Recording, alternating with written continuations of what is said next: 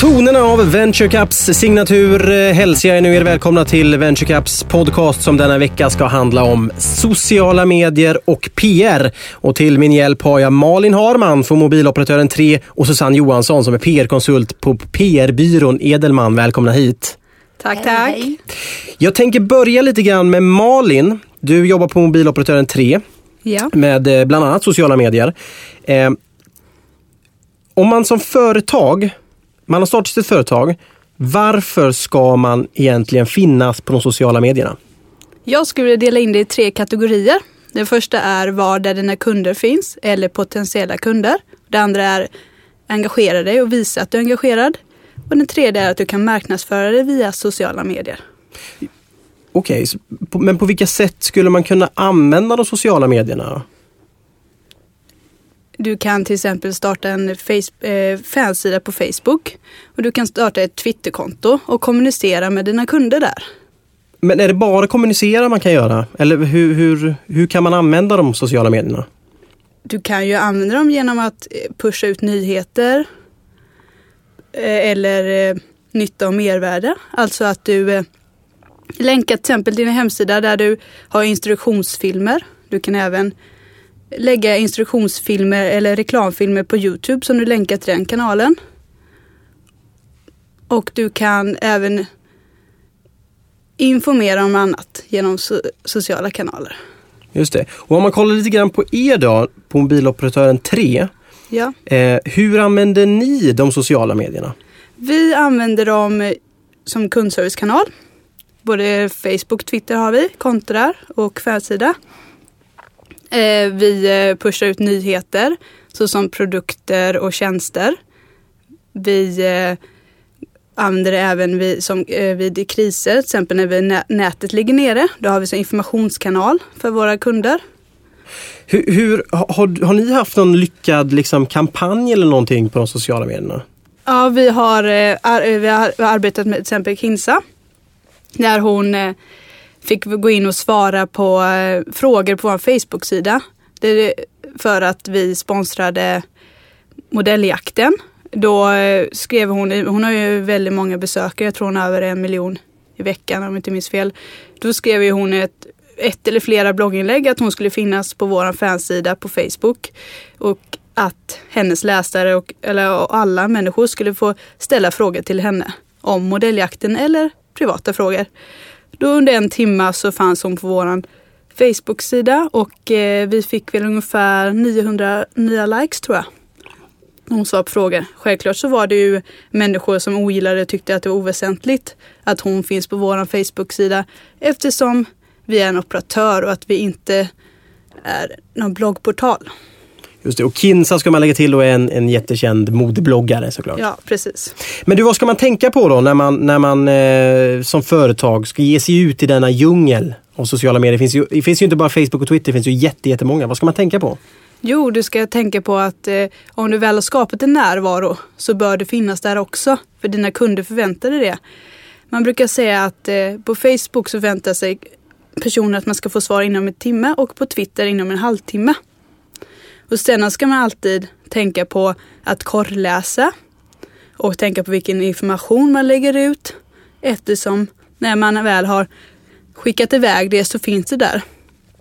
Och även om du kan ta bort det på din egna eh, fansida så kan det faktiskt varit, vara någon som varit där och gjort en så kallad printscreen på det om det är en känslig information.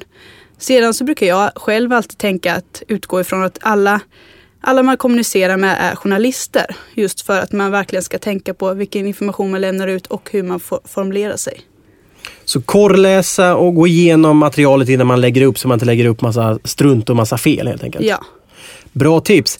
Om vi går över nu till Susanne som är då PR-konsult på PR-byrån Edelman. Yes. Kan inte du svara på frågan först? Vad är egentligen PR? Mm. Det är en fråga man får väldigt ofta. Det är inte så många som har koll på vad PR är och många tror att det är samma sak som reklam. Alltså att det är köpt, köpta bitar, eller vad man säger. Eh, men vi brukar säga att det är helt enkelt kommunikation mellan företag och dess kunder eller en organisation. Eh, du kan till exempel använda en tredje part för att eh, framföra dina budskap, till exempel försöka nå ut till media och få dem att säga det du vill säga. Eller så är det också att du kommunicerar ut själv, precis som Malin har pratat om, om sociala medier. Ehm, det finns ju massa olika begrepp inom PR. Det finns public affairs, kriskommunikation, du kan släppa en ny produkt. Ehm, men eh, det är egentligen allting som ett företag säger utåt till sina kunder kan innefattas i begreppet PR. Okej, men det är inte reklam. Det, var du ganska no noga med att, påpeka. Det är inte någon köpt kanal.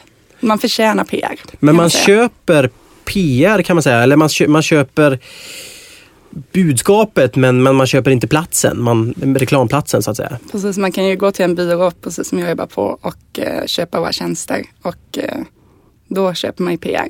Men du köper ju aldrig själva utrymmet som du sa, kanalen. Det låter, PR låter ju ändå som någonting som det är bara stora företag som kan jobba med PR. Är det så? Nej, alltså i och med att det är i stort sett allt du gör eller säger blir PR så jobbar ju alla företag med PR. Mer eller mindre. Man kanske gör det omedvetet eller så gör man det medvetet. Men i och med att man jobbar med det borde man ju försöka få in ett mer medvetet tankesätt kring PR. Att eh, nu svarar jag faktiskt på det här inlägget på Facebook. Och då blir det någonting jag säger och det är någonting som kan eh, tas emot mig eller tas för mig. Det kan bli positivt eller negativt. Men man måste helt enkelt lära sig hur man kommunicerar rätt mot sina kunder. Så, så, så ett inlägg på Facebook är PR? Ja. Har jag förstått det rätt då Susanne? Då har du stått rätt. Vad härligt. Men du, som litet företag då? Mm. Man har kanske, vi har pratat om sociala medier, man har startat något konto eller Mm. vad man nu... Men hur ska man, hur ska man lyckas då? Hur ska man få igång affärerna? Vad ska, vad ska man tänka på? Alltså, först och främst så kanske man innan man startar upp alla konton ska tänka, sätta sig ner och tänka på varför ska jag finnas på Facebook och vad ska jag göra där? Eh, det är klart att eh, om jag som kund går in och söker på Facebook-kontot och hittar att Åh, det här företaget vill jag jättegärna följa och så kommer det inga inlägg eller helt orelevanta inlägg. Då kanske inte det blir bra PR för mig. Då kanske det är bättre att inte finnas där ens. Men det bästa är ju att ha konton som man faktiskt utnyttjar och använder. Man försöker göra i alla fall ett par uppdateringar i veckan med relevanta grejer för sina kunder. Sen ska man ju också tänka på de traditionella kanalerna. Kartlägga vilka journalister är viktiga för min bransch. Vilka medier vill jag synas i och vilka medier är det faktiskt relevant att jag syns i. Har jag eh, en, eh, ett gym, då kanske det är naturligt att ta hälsotidningar och faktiskt försöka få en bra relation till dem. Eh, sen Den här podcasten, om jag ska liksom förankra den, vad skulle jag, vilka skulle jag höra av mig till tror, tycker du? Eh, då skulle du kanske gå till Företagarna, entreprenörstidningar, SvD, DNs jobbbilaga. Kanske inte Ego Boost. Mm. Kanske Ego Boost faktiskt när jag tänker på det. Det är mycket, många entreprenörer i blogg, precis. Men bloggvärlden. det finns ju brett du kan ju vinkla helt och hållet. Det är det som är så intressant med PR. Någonting som kanske inte är intressant. Man inte tror är intressant för en målgrupp kan kanske hitta en intressant vinkel och göra intressant och tänka vidare. Man kanske ska schemalägga att man jobbar med PR ett par timmar i veckan. Så att man verkligen får in det precis som att man har kundmöten. Att man faktiskt ska koncentrera sig på att jobba med PR också och då engagera hela företaget. För det är det som är så viktigt för att eh, på ett företag idag så kommunicerar ju alla, kanske för, som till exempel på Facebook. Det är ju ganska många som fått sparken för att de skriver dumma grejer och representerar ett företag. För man tänker inte på att man är representant. Men ofta står det vilket företag man är på. Så då kanske man ska gå igenom alla sina medarbetare. Att det är viktigt att om man utåt sett är anställd på ett företag, att man också ska eh, förespråka det företaget. Alltså att man ska gå enligt företagets normer även i sociala medier. När man hör ordet PR Mm. så hör man det ofta i, i samband med att det är en PR-kampanj. En lyckad PR-kampanj. Mm. Och Det känns som att de är ganska dyra. De här stora kampanjerna. Behöver de vara det? Nej, det behöver de inte vara. Um, alltså är man smart kan ju en väldigt kostnadseffektiv kampanj bli väldigt stor. Uh, allting behöver inte vara svindyrt, bara man tänker smart. Alltså, tänk igenom vad har jag för några vinklar på mitt företag som jag kan göra stor? Du kan göra en till exempel lansering istället för att ställa till ett stort event. Kanske man kan sända det live via internet och sprida det smart. Eh, man kan eh, använda sig av bloggare som kanske faktiskt eh, är intresserade av sin produkt och kör tävlingar. Dina produkter, om du är ett resebolag till exempel.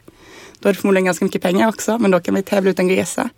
Och det kan ju få ganska bra spridning att man kan vinna någonting. Och ha med sina egna produkter man kan tävla ut så kan det bli grym spridning på ett sånt sätt.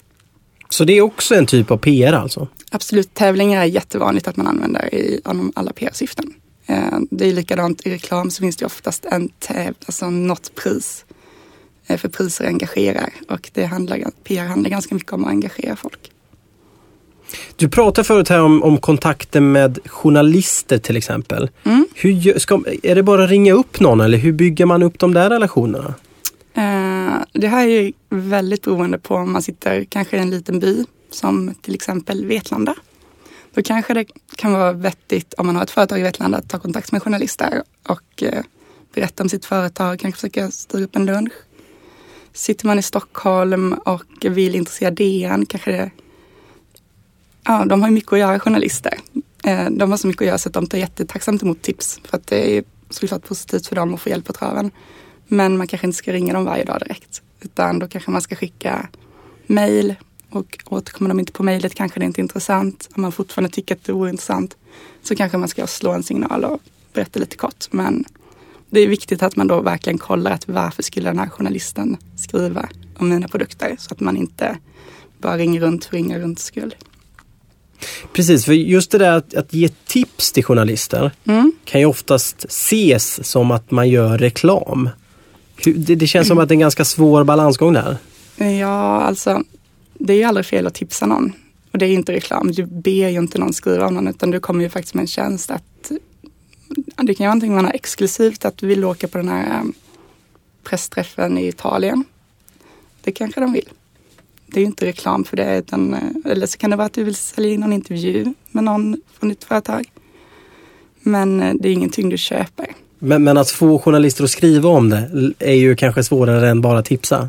Ja, alltså det är ju att sälja, sälja sitt företag. Men eh, som representant för ditt företag är du förhoppningsvis bra på det. Men du måste ju kolla vilka vinklar du har.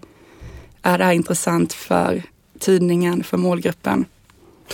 Om man som nyför, om jag vill säga att jag har ett nystartat företag. Vad, vad skulle du liksom säga, vilket, vilket är ditt bästa tips till mig vad gäller PR? Vad ska jag tänka på nu när jag ska liksom, nu vill jag få igång det här företaget. Eh, Men först och främst läs in dig på vilka konkurrenter har det, vilka gör samma grejer. Vad kan jag göra för att sticka ut? För att det handlar ju om att sticka ut. Eh, Kolla, som sagt, eh, lär känna vilka tidningar du vill synas i och kartlägg dem. Ta kontakt med de personerna du vill skri- ska skriva om dig och eh, hitta unika vinklar för ditt företag. Men vi går tillbaka till de här stora PR-kampanjerna. Mm. Eh, många kostar väldigt mycket pengar, andra gör det Mm. inte. Kan du, har, du något, något liksom, har du något case som du har jobbat med som du kan liksom dela med dig av? Som man kanske kan lära sig av här? Ja, det har jag. En tanke man ska tänka det är att eh, vad är trendigt just nu till exempel. Eh, vi tog eh, en trend som heter coworking. Eh, Vad betyder det? Det betyder att människor, oftast frilansare, entreprenörer, mindre företagare, samlas på ett café till exempel och jobbar ihop. Fast inte med sitt företag utan att man mer ska inspireras av varandra. Så vi ville rikta in oss på kaféer där faktiskt de här småföretagarna finns för att det var vår målgrupp. Det var en kampanj för HP. Eh, så vi ställde ut skrivare på de här kaféerna och gjorde en karta över var man kan hitta skrivare som man kan skriva utifrån. Så att vi skulle finnas på platsen där vår målgrupp fanns. Och sen pushade vi ut detta på Twitter, på Facebook och gjorde även en kampanjsida för detta. Den här kampanjsidan kanske man inte hade behövt att göra. Då hade man till exempel kunnat spara ner kostnaden på detta. Men att ta en trend och sen sätta ihop det med din produkt gör ju att eh, det blir mer relevant. Så hålla koll på trender. Hålla koll på trender och se hur du kan få in många gånger, alltså coworking är inte direkt kopplad till skrivare, men alla behöver skriva ut någon gång. Och se hur din produkt kan gå in i trender. Nu kommer jag ställa en fråga till er båda två. I och med sociala mediers in, intrång, eller vad man ska säga, i, i nästan alla människors liv idag. Har det blivit lättare eller svårare som företag att nå ut idag? Det är ju både och. Ja, Det- jag håller med, både och. Det är såklart blivit jättestor konkurrens och jättestort brus och svårt att sticka ut. Samtidigt så har man ju aldrig kunnat finnas där och ge feedback, få feedback och engagera kunder så mycket som man kan göra idag. Ehm, innan om du skulle göra, ta reda på vad din målgrupp tyckte om någonting så kanske du var tvungen att sitta och ringa runt alla. Men det är ju till exempel Malin bra exempel på hur ni jobbar med att få feedback direkt på tre. Ja. Vi lägger till exempel ut en länk till eh, en mobiltelefon som vi, eh, vi provkör. Och då frågar vi, tycker ni att vi ska ta in den här modellen? Och då får vi svar direkt på Facebook. Antingen att man trycker gilla eller att man kommenterar då och skriver vad man tycker. Och det är jättebra feedback för det är ju faktiskt våra kunder som finns där. Och eh, vi vill ju självklart ta in mobiler som eh, de kommer köpa också. Det blir lite grann att kunderna utvecklar, utvecklar ens eget företag. Precis. Ja. Man använder sig av sina egna kunder. Vi har ju faktiskt eh, tagit in eh, testpiloter eh, som har får, eh, fått sitta med och bedöma olika mobilmodeller och de hittar vi eh, genom vår Facebook-sida då. Vi la ut en liten annons där då så att de skulle höra av sig om de ville vara med och känna klämma på lite nya modeller. Är det, är det också bra tips tycker ni? Att, att, liksom, att engagera sina, sina kunder, sina följare, sina Ja, ja, fans? ja absolut, för då, då känner de också att de eh, kan påverka och det tror jag är väldigt viktigt när man är kund och att, att man kanske väljer ett, ett annat företag för att man känner att det kan faktiskt vara med och påverka produkten och, och tjänsterna. Vi inledde prata om sociala medier och du tog över och pratade om PR. Måste man finnas på de sociala medierna? Nej, Nej. Det beror, det det beror helt och hållet på vad man har för företag och var kunderna finns. Till exempel business to business. Det är inte jag riktigt säker på om man- man bör finnas i sociala medier. Utan det kan finnas andra forum där man hittar de andra företagen. Men på tal om, på tal om trender då. Ja. Går det inte lite grann däråt att man, det ska vara lite anti sociala medier nu? Alltså det är väl alltid en trend att vara anti något. För det tycker ju trendiga personer om att vara. Så eh, jag tror att man ska finnas där. ändå. Man märker ju bara till exempel på sin privata Facebook-sida att det är ganska många vänner som, som tar bort sina konton nu. Men jag menar, då går det en vecka så finns de där igen. Man kan hålla, inte hålla sig ifrån det här, speciellt Facebook i och med att man har hela sitt liv där. Jag menar, Tänk gamla klasskamrater. Hur gjorde man förut? Jo, man gick på klassträff genom olika forum. Men nu behöver man inte göra det längre för nu har man sina gamla vänner på Facebook. Man håller koll på när de får barn och när de gifter sig och hela det här kittet. Mm. Och även om folk tar bort sina konton så finns det fortfarande fyra miljoner svenskar där. Det finns och blir över. Precis. Ja. De, de kanske använder det som en sökmotor mer även om de inte har några konton själva. Jag förstår. Hörrni, om jag bara ska summera det här lite grann. Vara påläst känns det som att det ska man vara innan man börjar ägna sig åt sociala medier och PR. Ja, Jag vill tacka er för att ni kom hit med dessa ord eh, och jag vill också tacka dig som har lyssnat på denna podcast denna vecka som ni har hittat på VentureCaps hemsida venturecap.se podcast och det finns ju även på iTunes och för Android. Tack för att ni kom hit Susanne och Malin. tack själva tack. Anders.